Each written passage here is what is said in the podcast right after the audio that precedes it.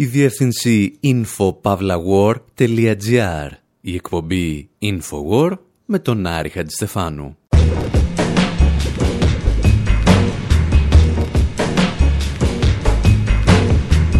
όπου σήμερα αφιερώνουμε ολόκληρη την εκπομπή στο playlist που ετοίμασε ο Μόμπι για την τελετή ορκομοσίας του Ντόναλτ Τραμπ. Σκεφτήκαμε ότι αφού ο ίδιος αρνήθηκε να παίξει όπως του ζητήθηκε για τον νέο πρόεδρο, είναι κρίμα να πάει χαμένο το playlist. Περιγράφουμε μέσα από αυτή τη λίστα την ιστορία των Ηνωμένων Πολιτειών και ολόκληρου του πλανήτη για τον τελευταίο αιώνα. Υποψιαζόμαστε όμως ότι η κριτική που θέλησε να ασκήσει ο Μόμπι στον Τραμπ θα μπορούσε να απευθυνθεί και στον Ομπάμα.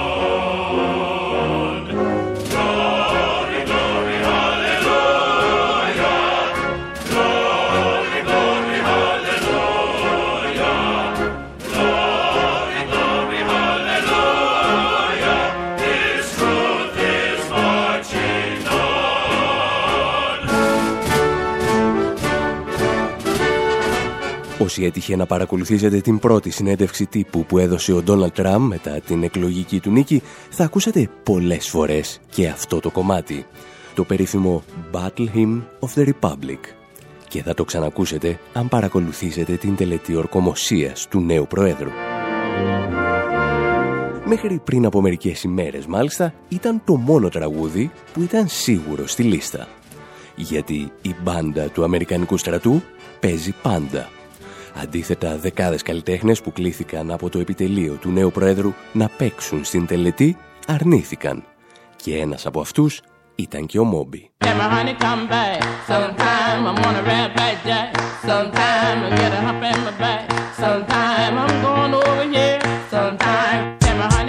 Για να μην τον πούν βέβαια και τεμπέλη, ο Μόμπι ετοίμασε ένα playlist με 27 τραγούδια και εμείς αποφασίσαμε να σας τα παρουσιάσουμε ένα προς ένα, αναζητώντας τους πολιτικούς λόγους για τους οποίους τα επέλεξε. Και επειδή είναι και πολλά, ξεκινάμε ευθύς αμέσως με το πρώτο. Η Public Enemy στο Fight the Power.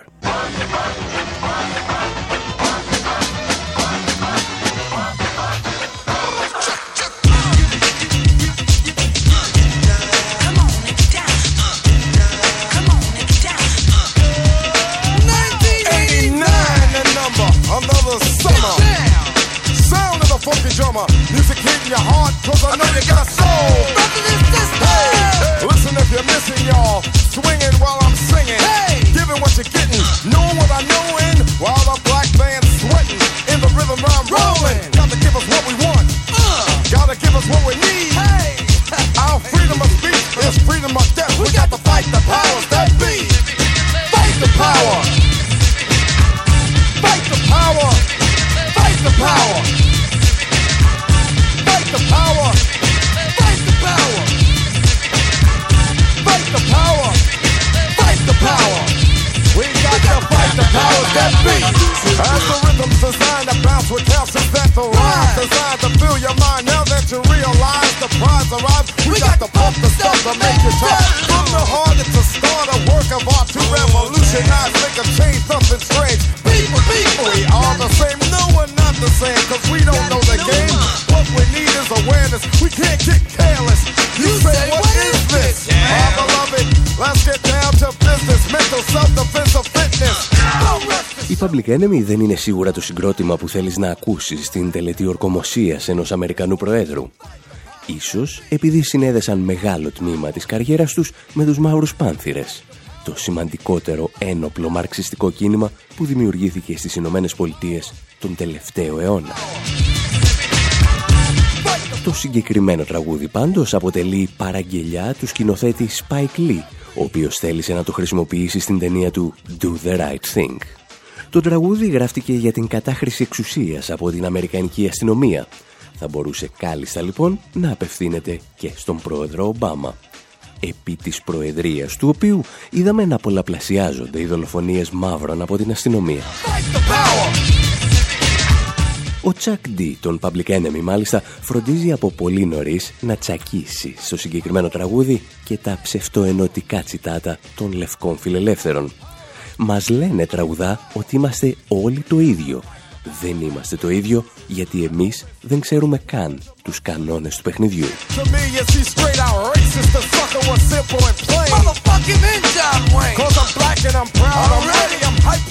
Και καθώς οι μαύροι public enemy ισοπεδώνουν τα πάντα στο πέρασμά τους, ο Μόμπι βάζει σαν δεύτερο τραγούδι στο playlist ένα ακόμη κομμάτι για την αστυνομική βαναυσότητα και τον θεσμικό ρατσισμό των Ηνωμένων Πολιτειών.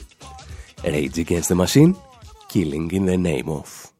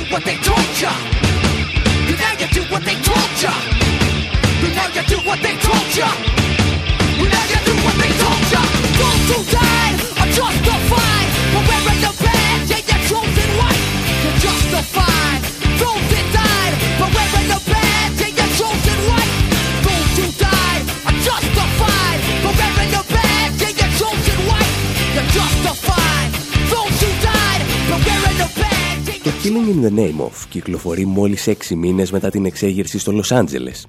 Θα μπορούσε λοιπόν να χρησιμοποιηθεί και αυτό όχι μόνο για τον Τραμπ αλλά και για τον πρόεδρο Ομπάμα όταν καλούνταν λόγου χάρη να διαχειριστεί τις φιλετικές αλλά κυρίως τις ταξικές εξεγέρσεις στο Φέργκουσον και τη Βαλτιμόρη.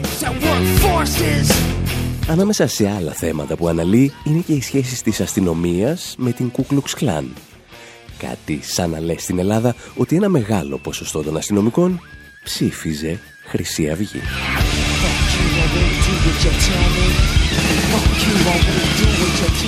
Και αφού ο Μόμπι μας εξήγησε τις θέσεις του για τους αστυνομικούς που σκοτώνουν μαύρους, σκέφτηκε να μας μιλήσει και για τους στρατιώτες που σκότωναν λευκούς Αμερικανούς πολίτες. Και έτσι προσέθεσε στο playlist το Ohio του Νίλ Young ζήτησε μάλιστα τη ζωντανή εκτέλεση του 1971 στο Massey Hall, την οποία φάγαμε τον τόπο να σας βρούμε.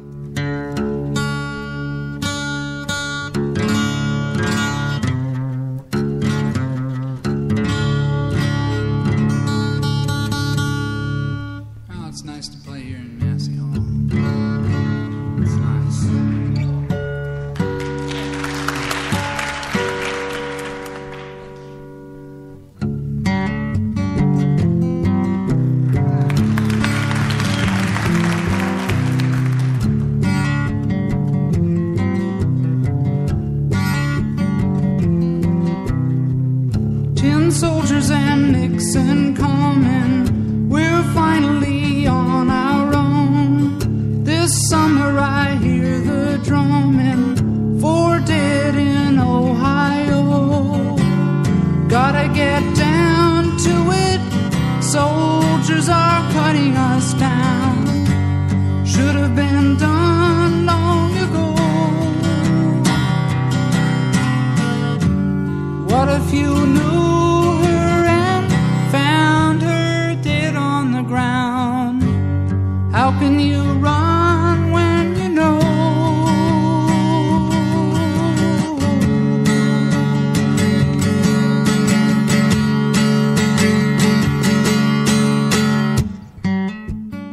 Young τραγουδάει για τη λεγόμενη σφαγή της 4ης Μαΐου του 1970, όταν η εθνοφρουρά του Οχάιο πυροβολεί και σκοτώνει τέσσερις άοπλους φοιτητές που συμμετείχαν σε μια διαδήλωση για το Βιετνάμ και την Καμπότζη. Προκειμένου να αντιμετωπίσει τους φοιτητές στο Πανεπιστήμιο του Κέντ, ο κυβερνήτης της πολιτείας είχε καλέσει την εθνοφρούρα. Δακρυγόνα και πλαστικές σφαίρες έπεφταν για τρεις ημέρες, μέχρι που οι στρατιώτες άρχισαν να πυροβολούν με αληθινά πυρά τους φοιτητές. Ο μέσος Αμερικανός πολίτης μεγάλωνε μέχρι τότε πιστεύοντας ότι οι διαδηλώσεις και οι απεργίες απαγορεύονταν στη Σοβιετική Ένωση και στη Δύση απλώς δεν τις χρειάζονταν γιατί ζούσαν στον καλύτερο δυνατό κόσμο. Μέχρι που η κρίση του 70 και ο απόϊχος του αντιπολεμικού κινήματος του 68 έφερε την αστυνομοκρατία στην καρδιά του αναπτυγμένου κόσμου και εκείνο το πρωινό της 4ης Μαΐου του 1970 οι Αμερικανοί πολίτες ξύπνησαν για να γνωρίσουν τις πρακτικές ενός απολυταρχικού καθεστώτος στην καρδιά των Ηνωμένων Πολιτειών. Ten soldiers and Nixon coming και αν με την επιλογή του Οχάιο ο Μόμπι μας έφερε πίσω στον αυταρχισμό του 1970, με το επόμενο δικό του κομμάτι στο playlist μας ξαναφέρνει στο 2016. Η Wrapped and Matter, ίσως ο πιο οργισμένος Μόμπι που θα ακούσετε ποτέ.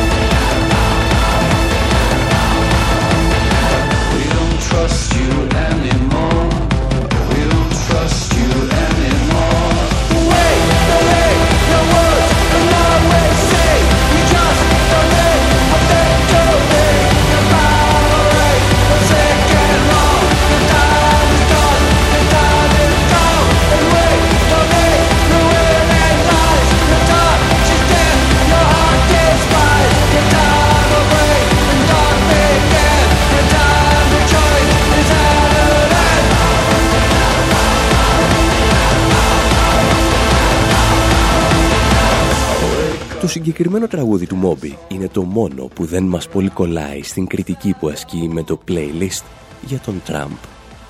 Ιδιαίτερα εκείνος ο στίχος που λέει «Δεν σε εμπιστευόμαστε πια.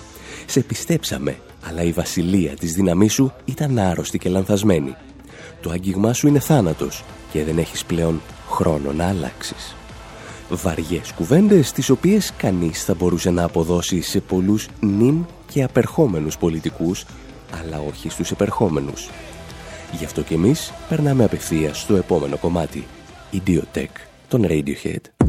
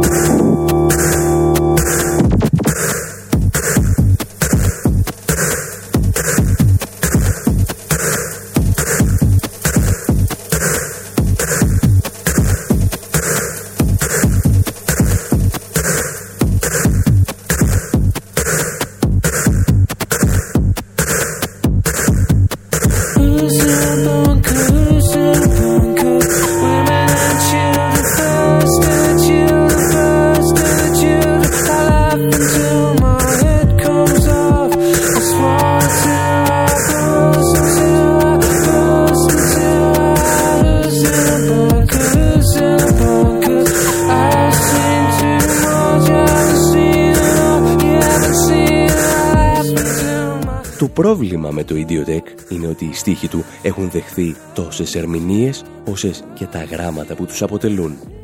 Για ορισμένους το τραγούδι αφορά μια πυρηνική καταστροφή, για άλλους μια περιβαλλοντική καταστροφή. Το μόνο που γνωρίζουμε με βεβαιότητα είναι ότι η έμπνευση για το εξώφυλλο του δίσκου ήρθε στο συγκρότημα από ένα πρωτοσέλιδο του Guardian για τον πόλεμο στο Κωσυφοπέδι. Εμείς πάλι; Υποθέτουμε ότι ο Μόμπι το επέλεξε μόνο για τον τίτλο του, ο οποίος παραπέμπει άμεσα σε ανθρώπους σαν τον Τραμπ. Και προφανώς το επόμενο κομμάτι στο playlist δεν θα μπορούσε να είναι άλλο από το American Idiot, τον Green Day.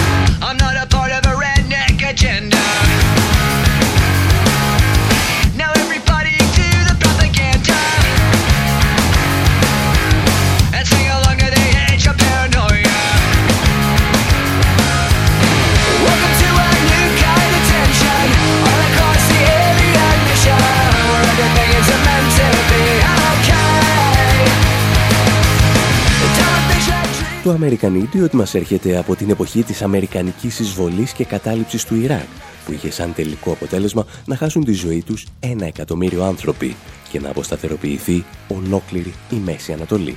Ήταν όμως και η εποχή που οι Αμερικανοί ψηφοφόροι θα έδιναν για δεύτερη φορά την εξουσία στον George Bush τον νεότερο. Ο τραγουδιστής των Green Day τα βάζει όμως κυρίως με τα μέσα ενημέρωσης. Και όπως έλεγε τότε, αυτό καθιστά το τραγούδι διαχρονικό. Με τη μόνη διαφορά ότι η πιο σκληρή προπαγάνδα αυτές τις μέρες δεν έρχεται από την άκρα δεξιά, αλλά από τη φιλελεύθερη Αμερική, η οποία χωρίς κανένα αποδεικτικό στοιχείο προσπαθεί να αποδώσει στη Ρωσία την αποτυχία της στις εκλογές.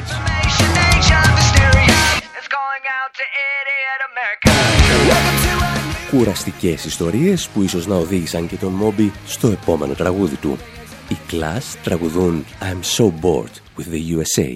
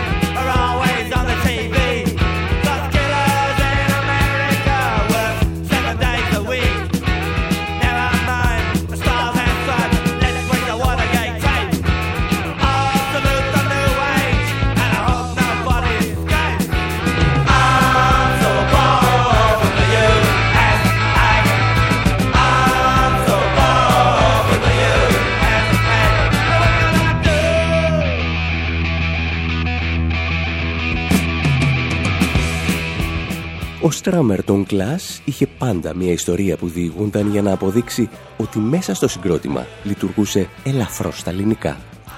Σαν ένα καλλιτεχνικό πολίτμπουρο διαγραφέ αμέσως τους ανούσιους και απολύτικους στίχους που του παρουσίαζαν. Μια ημέρα, ο κιθαρίστας Mick Jones του παρουσίασε ένα τραγούδι που είχε γράψει για την κοπέλα του με τίτλο «I'm so bored with you». «Σε έχω βαρεθεί τόσο πολύ». Ο Στράμερ αλλάζει αμέσως τους στίχους και τραγουδά «I'm so bored with the USA». «Έχω βαρεθεί τις Ηνωμένες Πολιτείες. Μέσα σε λίγα λεπτά έχει γράψει ένα νέο τραγούδι για τον πόλεμο του Βιετνάμ, τη CIA και το σκάνδαλο Watergate. Το I'm so bored with the USA γράφεται το 1977 και ο Μόμπι αυτή τη φορά φαίνεται ότι θέλει να μας φέρει πιο ομαλά στο σήμερα. Κάνει μια κοντινή στάση στο 1980 όταν οι Killing Joke παρουσίαζαν το War Dance, τον χώρο του πολέμου.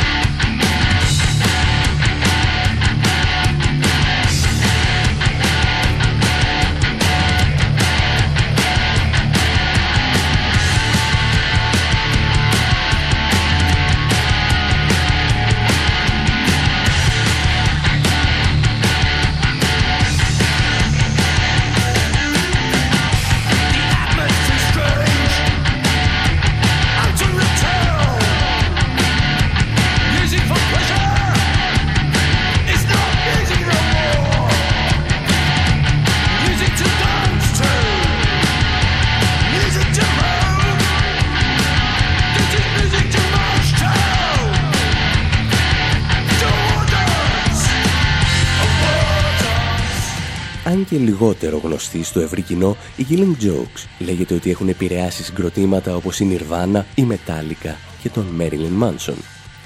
Δεν ξέρουμε τι ακριβώς είχε στο μυαλό του ο Μόμπι όταν το επέλεξε για το playlist του Donald Trump, πάντως το πιθανότερο είναι ότι το τραγούδι ίσως να μην αναφέρεται στον πόλεμο γενικά, αλλά στις συγκρούσεις Ιρλανδών διαδηλωτών με το Βρετανικό στρατό στην Ιρλανδία. Το τσόφιλο του δίσκου μάλιστα δείχνει νεαρούς που προσπαθούν να ξεφύγουν από τα χημικά CS που χρησιμοποιούσε ο Βρετανικός στρατός, όπως κάνει σήμερα και η ελληνική αστυνομία. Και η φωτογραφία τραβήχτηκε λίγους μήνες πριν από την ματωμένη Κυριακή της Βόρειας Ιρλανδίας. Ο χρόνος όμως μας πιέζει και η σειρά των YouTube δεν έχει έρθει ακόμα. Το επόμενο κομμάτι στη λίστα λέγεται Ball of Confusion και το τραγουδούν οι Love and Rockets.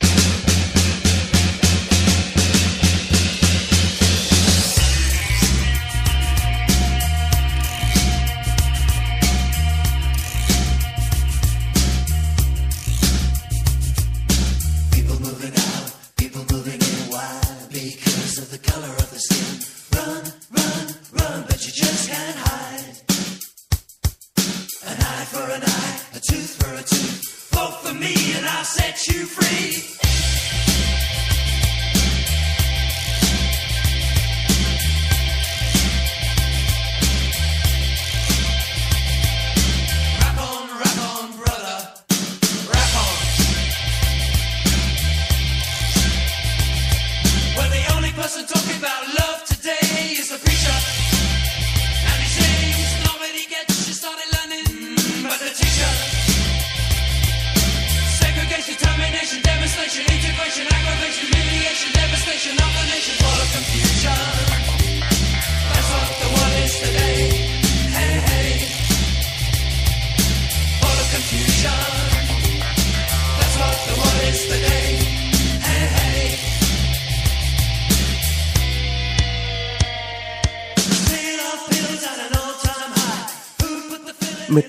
Confusion, ο Μόμπι εισέρχεται πλέον στην καρδιά της προεκλογικής εκστρατείας του Donald Trump. Άνθρωποι μπαίνουν και άνθρωποι βγαίνουν, με μόνο κριτήριο το χρώμα τους δέρματός τους, τραγουδούν οι Love and Rockets, τους οποίους, αν δεν γνωρίζετε, να σας πούμε ότι αποτελούν διάδοχο σχήμα των Bauhaus. Το τραγούδι ασχολείται κυρίως με τη ζωή των μαύρων στα γκέτο, αλλά και τα ναρκωτικά που κυκλοφορούν εκεί, αν και σε ορισμένα σημεία τα βάζει και με την υψηλή φορολογία. Το βέβαιο είναι ότι με την επιλογή του ο Μόμπι επιστρέφει στη μαύρη καρδιά της αμερικανικής μουσικής και για τη συνέχεια μας παρουσιάζει ένα κομμάτι που έγραψε ο ίδιος μαζί με τους Public Enemy MKLVFKWR από τα αρχικά των λέξεων Make Love, Fuck War.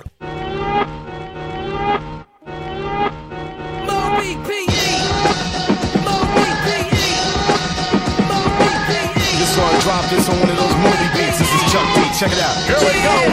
Come on.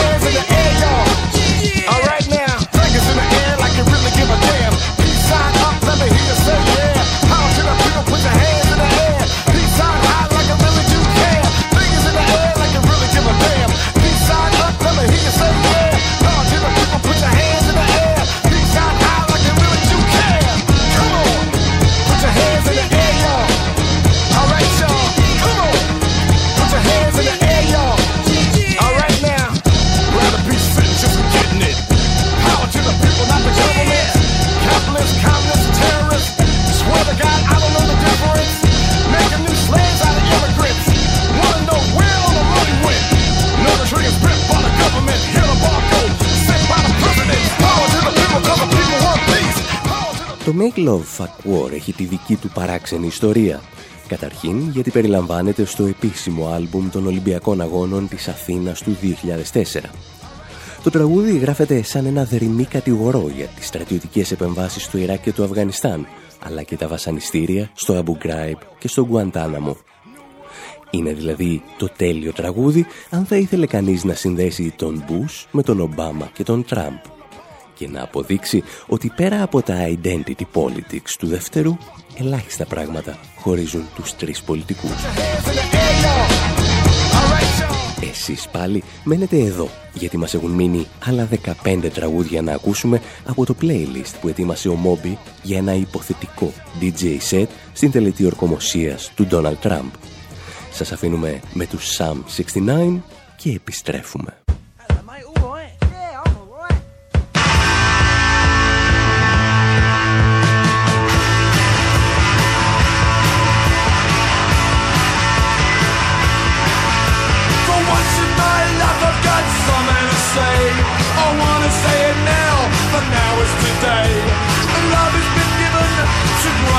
Enjoy So let's all grab and let's all enjoy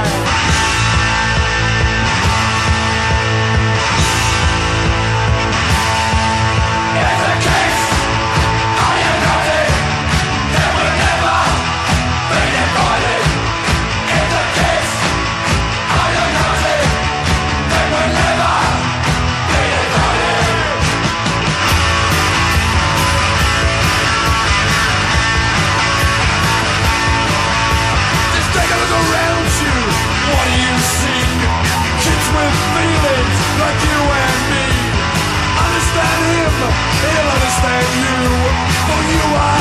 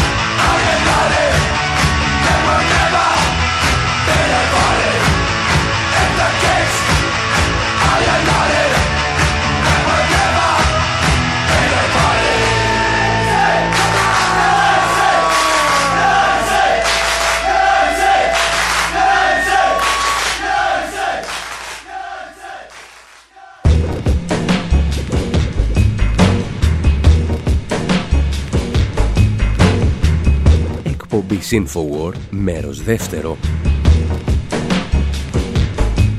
όπου προσπαθούμε να χωρέσουμε σε μία ώρα ραδιοφωνικής εκπομπής τα 27 τραγούδια που πρότεινε ο Μόμπι για την τελετή ορκομοσίας του Ντόναλτ Τραμπ. Του Μόμπι που ξεκαθάρισε ότι θα έπαιζε ο ίδιος μουσική εάν ο Τραμπ δημοσιοποιούσε την φορολογική του δήλωση. Και επειδή ο Τραμπ, όπως και οι Έλληνες καναλάρχες, θεωρούν γρουσουζιά να δείχνουν το πόθεν έσχες τους, αποφασίσαμε να παίξουμε εμείς τα τραγούδια και να πούμε και 27 μικρές ιστορίες για αυτά. Έχουμε φτάσει αισίως στην θέση 12 με τους Stop the Violence Movement να τραγουδούν το Self-Destruction. We all agree tonight, all of the speakers have agreed that America has a very serious problem.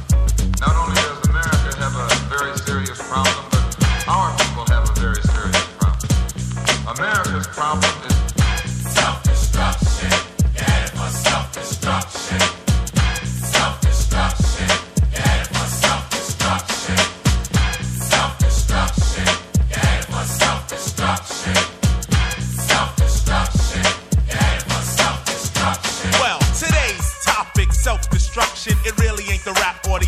bugging. It's one or two suckers, ignorant brothers, trying to rob and steal from one another.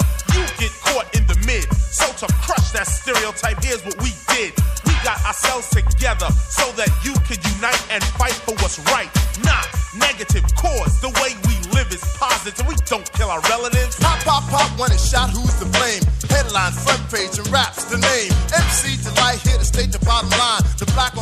Για να μην σας μπαίνουν τίποτα λάθος ιδέες, η Stop the Violence Movement δεν είναι καμιά παρεούλα βολεμένων που καταδικάζει τη βία από όπου και αν προέρχεται. Είναι το δημιούργημα του ράπερ KRS-One, ο οποίος ήθελε έτσι να σταματήσει τη βία και τις δολοφονίες στο εσωτερικό της κοινότητας των μαύρων. Στόχος του τραγουδιού, όπως ακούμε και στους στίχους, είναι να ενωθεί ο μαύρος πληθυσμός ώστε να δώσει τη μάχη απέναντι στο ρατσισμό και την καταπίεση. Γεγονός που μας φέρνει χωρίς καθυστερήσεις στη θέση 13 και το Get Up, Stand Up του Bob Marley.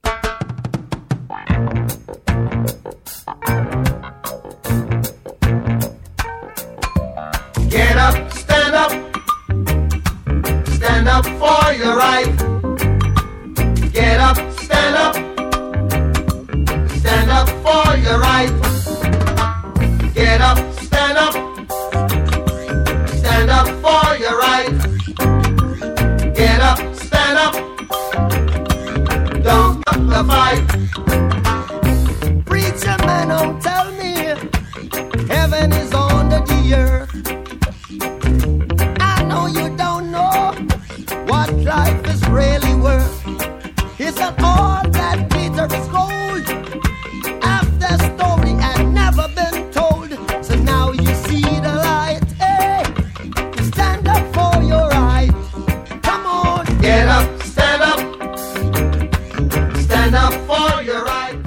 Ο Bob Marley πίσω στα 1973 μας ταξιδεύει πλέον στην πίσω αυλή των Ηνωμένων Πολιτειών και συγκεκριμένα στην IT, την οποία επισκέφθηκε εκείνη την περίοδο για να γνωρίσει την απόλυτη φτώχεια και την εξαθλίωση. Και εδώ, με την επιλογή του, ο Μόμπι ίσως να στέλνει άθελά του ένα ακόμη μήνυμα όχι στον Ντόναλτ Τραμπ, αλλά στον Μπαρακ Ομπάμα. Γιατί τον Ιανουάριο του 2017 χιλιάδες κάτοικοι της Αιτής κατεβήκαν στους δρόμους με πλακάτ που έγραφαν «Ομπάμα είσαι τρομοκράτης». Ήταν η απάντησή τους στην παρέμβαση που πραγματοποίησε η Ουάσιγκτον στην εκλογική διαδικασία. You stand up for your right. Και σε μια χώρα που σήμερα κατηγορεί τη Ρωσία ότι παρενέβη στις εκλογές υπέρ του Ντόναλτ Τραμπ, δεν θέλεις να θυμίζεις πόσες φορές έχει κάνει το ίδιο ο Ομπάμα σε άλλες περιοχές του πλανήτη. You're right. Get up, stand up. Γι' αυτό και εμείς με ελαφρά πηδηματάκια περνάμε στο τραγούδι υπαριθμών 14 Sex Pistols και Anarchy in the UK.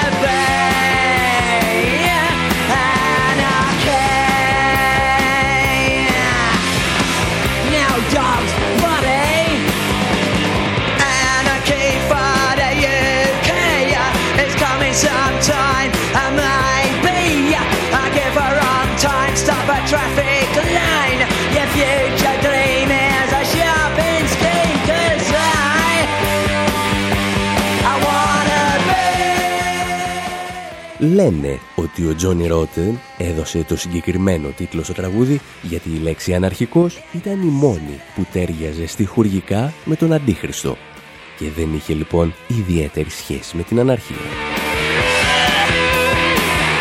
Σε κάθε περίπτωση το τραγούδι είναι ίσως το πλέον πολιτικοποιημένο δημιούργημα των Sex Pistols αφού αναφέρεται σε εμφύλιους πολέμους και συγκεκριμένα στον εμφύλιο της Αγκόλας και το λαϊκό κίνημα για την απελευθέρωση της Αγκόλας. Όπως επίσης αναφέρεται και στον Ιρλανδικό Δημοκρατικό Στρατό. Και το να συνδέεις εθνικό-απελευθερωτικά κινήματα με την αναρχία είναι από δύσκολο έως λάθος.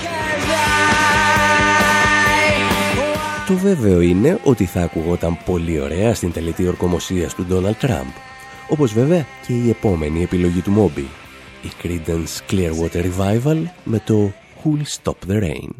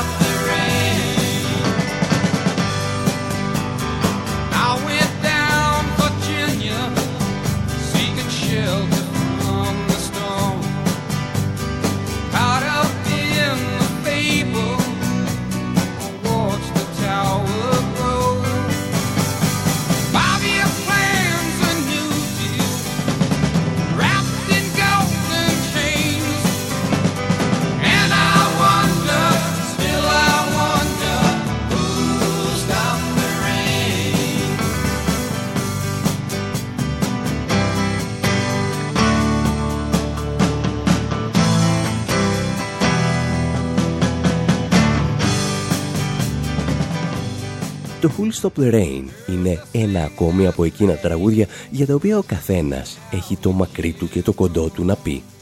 Και το κάνει αυτό εδώ και περίπου τέσσερις δεκαετίες. Δεν θα μπορούσε φυσικά να είναι διαφορετικά, αφού ο στιχουργός επιχείρησε να μπλέξει μέσα σε λίγες γραμμές τα πενταετή οικονομικά προγράμματα της πρώην Σοβιετικής Ένωσης με τον πολιτισμό του Woodstock. Το γιατί το επέλεξε τώρα ο Μόμπι είναι και σε αυτή την περίπτωση ένα ακόμη μυστήριο. Και επειδή το να κάνουμε τις δικές μας υποθέσεις μιλώντας για θεωρίες οικονομικού εθνικισμού και κριτική στην οικονομική παγκοσμιοποίηση δεν έχει ιδιαίτερο νόημα, θα προτιμήσουμε να προχωρήσουμε στο επόμενο άσμα της λίστας. Εκεί που ο Κέντρικ Λαμάρ τραγουδά το Alright. On my mama, nigga. R.I.P. Phat Dawg. I'ma be the greatest to ever do this shit. On my mama, though, like, on the dead homies. Hey, Soundwave, turn this shit up, nigga. Turn this shit up. Soundwave, turn this shit up, nigga. Tell me who the bitch nigga hating on me. Uh, jumping on my dick, but this dick ain't free. Uh, to pimp a butterfly, another classic CD. Uh, ghetto lullaby for everyone they MC. Blow, blow, blow, Nigga, not RIP. My diligence is only meant to write your eulogy.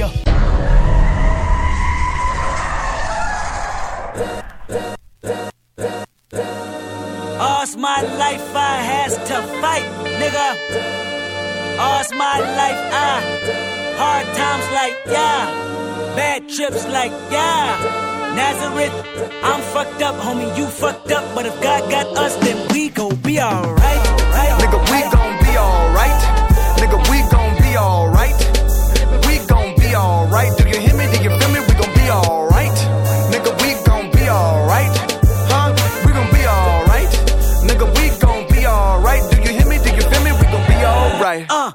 Το All Right μας ξαναφέρνει στον πολιτισμό των Αμερικανικών γκέτο.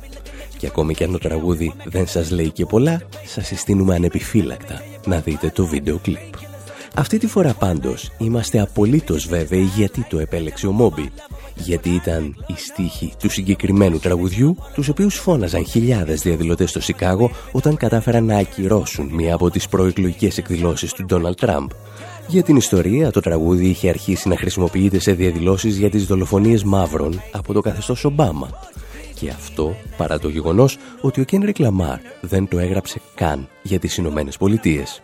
Η έμπνευση, λέει, του ήρθε όταν επισκέφθηκε τη Νότια Αφρική και κατάλαβε ότι εκεί τα αδέρφια του αντιμετωπίζουν ακόμη μεγαλύτερα προβλήματα.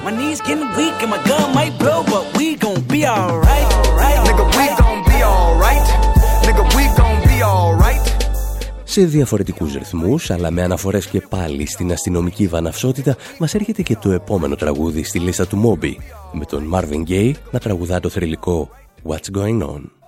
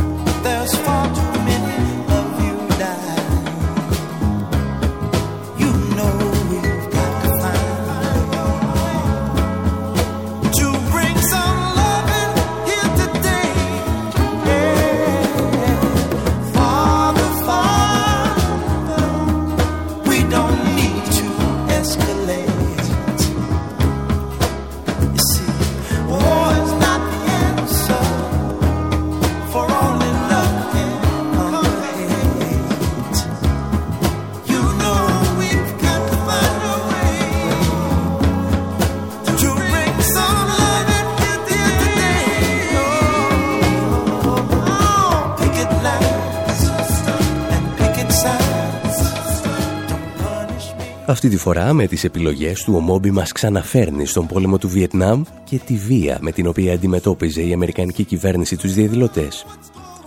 Ολόκληρο το άλμπουμ του Marvin Gaye με τίτλο What's Going On είναι γραμμένο από τη σκοπιά ενός Αμερικανού στρατιώτη που επιστρέφει από το Βιετνάμ για να γνωρίσει τη φτώχεια και την εξαθλίωση. Για την ιστορία, ο Marvin Gaye κάνει τότε και τις πρώτες σχεδόν προφητικές αναφορές στο φαινόμενο του θερμοκηπίου. Γεγονός που ταιριάζει γάντι και στον νέο πρόεδρο των Ηνωμένων Πολιτειών. Και επειδή πιθανότατα ο Marvin Gaye μας έχει ρίξει ελαφρώς από πλευράς ρυθμού, ο Moby αποφασίζει να συνεχίσει σε χαμηλούς τόνους με τον Yusuf Islam στο ελαφρώς ξενέρωτο για τα γούστα μας Peace Train.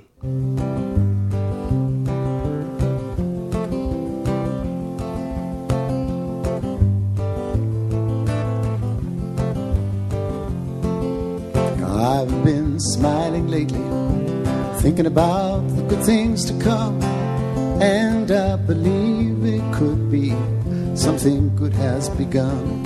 Yes, I've been smiling lately, dreaming about the world as one, and I believe it could be someday it's going to come. Cause out on the edge of darkness, there rides a peace train. Peace train, take this country, come take me home again. Yes, I've been happy lately, thinking about the good things to come.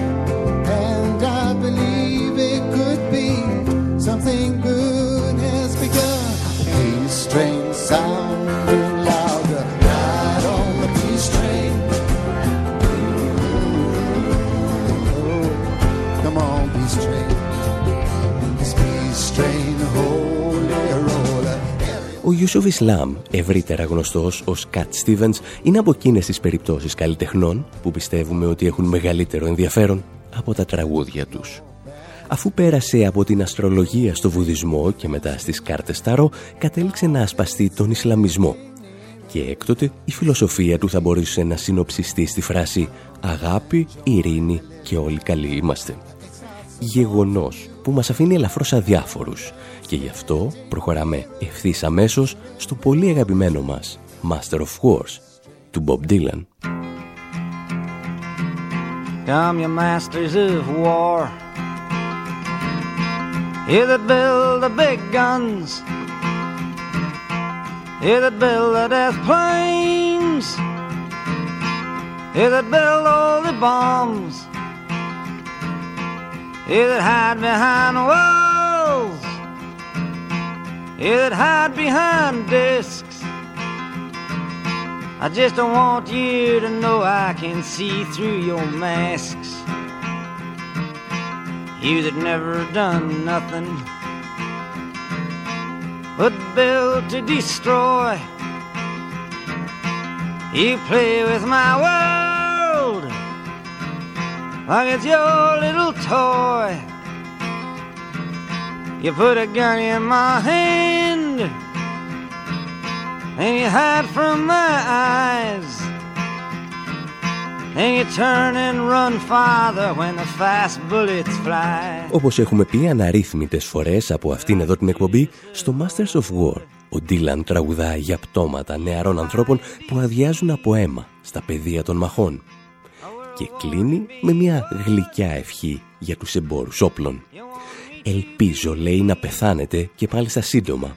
Θα ακολουθήσω το φερετρό σας στο γλυκό φως του απογεύματος. Θα κοιτάζω καθώς σας κατεβάζουν στο κρεβάτι του θανάτου και θα στέκομαι εκεί, επάνω από τον τάφο σας, για να βεβαιωθώ ότι είστε νεκροί. Ένα τραγούδι που συνηθίζουμε να αφιερώνουμε σε βιομήχανους όπλων αλλά και σε πολιτικούς που αυξάνουν τις πολεμικές δαπάνες ιδίως εν μέσω οικονομικής κρίσης. Το πρόβλημα για τον Μόμπι είναι ότι ο μεγαλύτερος Master of War που γνώρισε ο πλανήτης στις τελευταίες δεκαετίες ακούει στο όνομα Μπαράκ Ομπάμα. Ο άνθρωπος που έριξε 48.819 βόμβες σε 7 χώρες. Έριχνε δηλαδή 2,7 βόμβες ανά ώρα για όσα χρόνια ήταν πρόεδρος. That can ever be hurled. Fair to bring children into the world.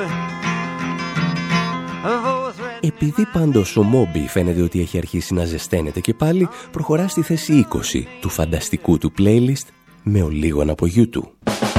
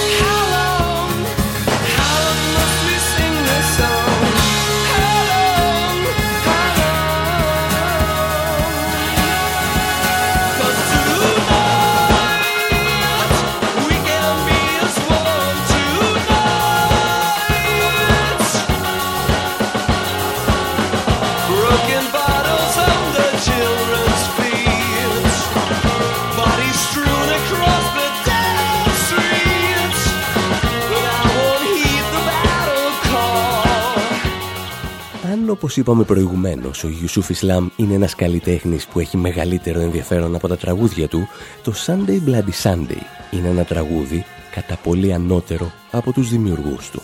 Γιατί παρά το ότι πιστεύουν ορισμένοι, it's not a rebel song. Ο Μπόνο πριν ακόμη γίνει παρατρεχάμενος κάθε προέδρου και πρωθυπουργού που μπορούσε να του πετάξει ένα κοκαλάκι, φρόντισε να κρατήσει ίσες αποστάσεις απέναντι στα Βρετανικά στρατεύματα κατοχής και τον Ιρλανδικό Δημοκρατικό Στρατό, τον IRA. Ενώ δηλαδή οι Βρετανοί Τζον Λένον και Πολ Μακάρτνι στήριζαν τους Ιρλανδούς, ο Ιρλανδός Μπόνο στην καλύτερη κρατούσε ίσες αποστάσεις και στη χειρότερη τα έκανε πλακάκια με τους κατακτητές. Στην Ελλάδα θα μπορούσε δηλαδή να έχει διαπρέψει σε οποιαδήποτε ιστορική στιγμή από το 1940 μέχρι το 2017. Γι' αυτό και εμείς φεύγουμε και προχωράμε στη θέση 21 με τον Sam Cooke στο A Change is Gonna Come.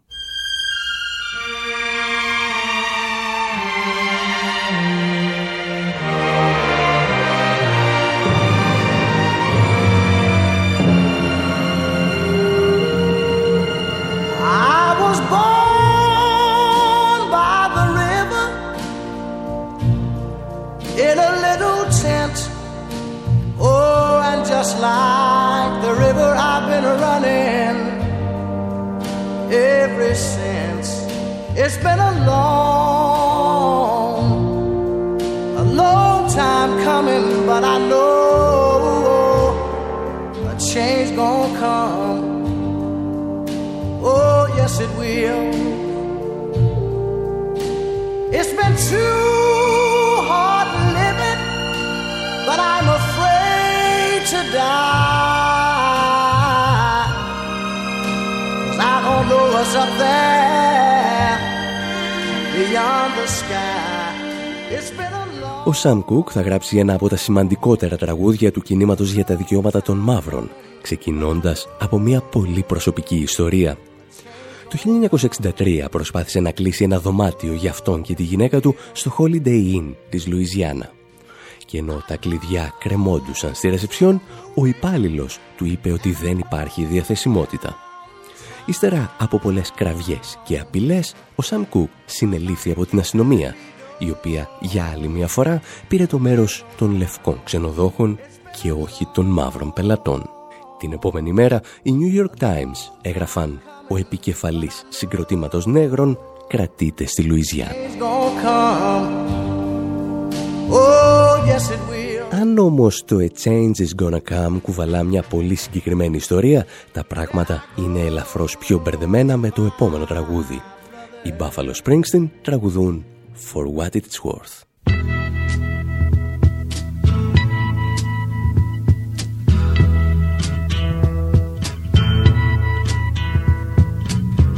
Something happening here. But what it is ain't exactly clear. There's a man with a gun over there. Telling me I got to beware. I think it's time we stop, children. What's that sound? Everybody look what's going down.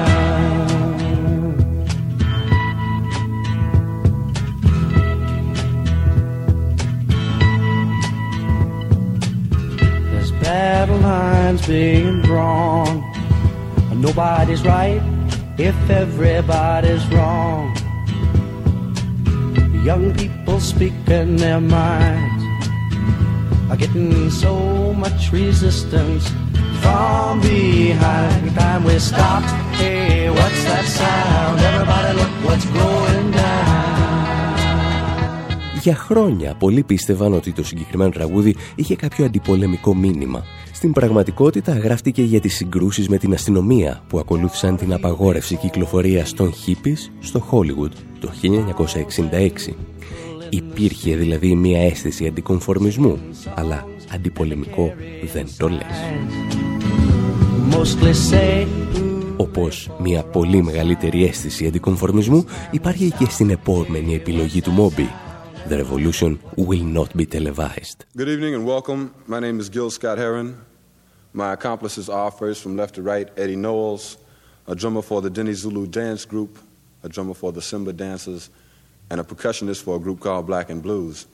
The brother to my immediate left is Charlie Saunders of the Simba Dance Group and a former drummer for Loretta Porker. David Barnes, a singer for Black and Blues, will be heard later on in the evening. We'd like to do a poem for you called The Revolution Will Not Be Televised, primarily because it won't be.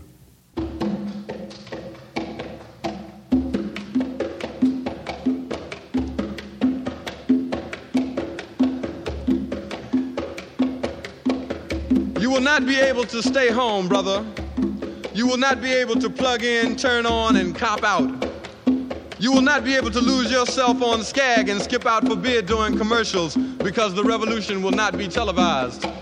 The revolution will not be televised. The revolution will not be brought to you by Xerox in four parts without commercial interruptions. The revolution will not show you pictures of Nixon blowing a bugle and leading a charge by John Mitchell, General Abrams, and Mendel Rivers to eat hog maws confiscated from a Harlem sanctuary. The revolution will not be televised. The revolution will not be brought to you by the Schaefer Award Theater and will not star Natalie Woods and Steve McQueen or Bullwinkle and Julia. The revolution will not give your mouth sex appeal. The revolution will not get rid of the nubs. The revolution will not make you look five pounds thinner. The revolution will not be televised, brother. Δεν θα μπορείς να σηκωθείς για μπύρες, δεν θα έχει διαφημιστικά διαλύματα, δεν θα πρωταγωνιστεί η Natalie Wood και ο Steve McQueen.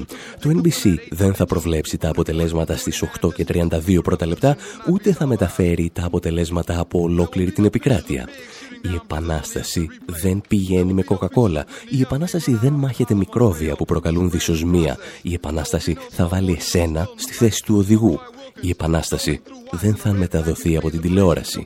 Η Επανάσταση γίνεται ζωντανά. Green Acres, Beverly Hillbillies, and Hooterville Junction. Είναι αρχές της δεκαετίας του 70 και ο Jill Scott Heron τραγουδά το The Revolution Will Not Be Televised. Η hip-hop σκηνή έχει μόλις γνωρίσει τον δημιουργό της. Και πάνω που εμείς έχουμε πάρει ελαφρώς φόρα, ο Μόμπι δείχνει μάλλον κουρασμένος και τοποθετεί στη θέση 25 το Imagine του John Lennon.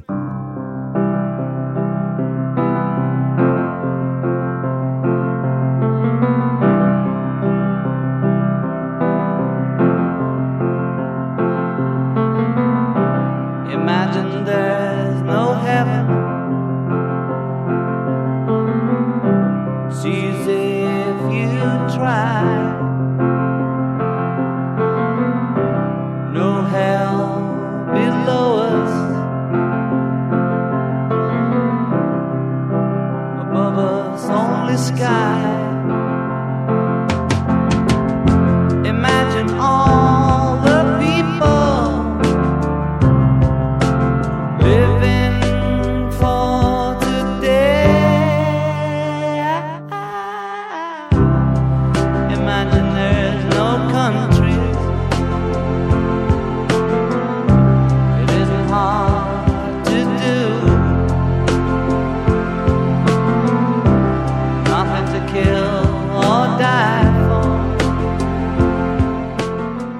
Συγκεκριμένο τραγούδι δεν χρειάζεται νομίζουμε σχολιασμό, πέρα από μια μικρή ιστορία που διηγούνταν ο Τζον Λένον. Μια ημέρα, λέει, τον κάλεσαν από μια εκκλησία και τον ρώτησαν αν θα μπορούσαν να χρησιμοποιήσουν το τραγούδι και εκεί που λέει Imagine No Religion να τραγουδήσουν Imagine One Religion. Ήταν η απόδειξη, έλεγε ο ίδιος, ότι δεν είχαν καταλάβει απολύτως τίποτα. But I'm not the only one. Εμείς πάλι φτάσαμε στο σημείο αυτό στο πρώτο τελευταίο κομμάτι που επέλεξε ο Μόμπι We Shall Overcome από τον Pete Seeger. We shall overcome.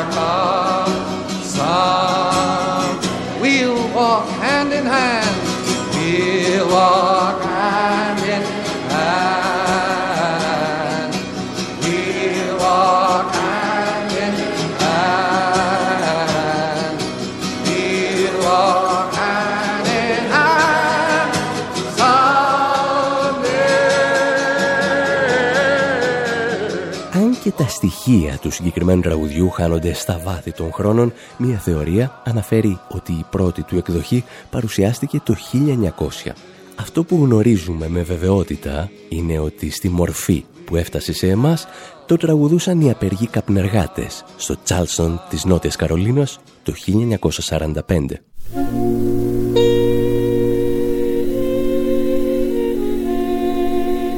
Κάπου εδώ όμως και εμείς φτάσαμε στο τέλος αφού ήδη σας διηγηθήκαμε 27 ιστορίες για τα 27 τραγούδια που θα έπαιζε ο Μόμπι αν τελικά πήγαινε στην τελετή ορκομοσίας του Ντόναλτ Τραμπ. Και ο ίδιος κράτησε για το τέλος τον απόλυτο ύμνο του κινήματος για τα δικαιώματα των μαύρων. Η Billie Holiday τραγουδά το Strange Fruit, κάτι περίεργα φρούτα με τη μορφή μαύρων που κρέμονταν από τα δέντρα του Αμερικανικού Νότου. Μέχρι την επόμενη εβδομάδα από τον Άρη Χατζηστεφάνου στο μικρόφωνο και τον Δημήτρη Σαθόπουλο στην τεχνική επιμέλεια, γεια σας και χαρά σας.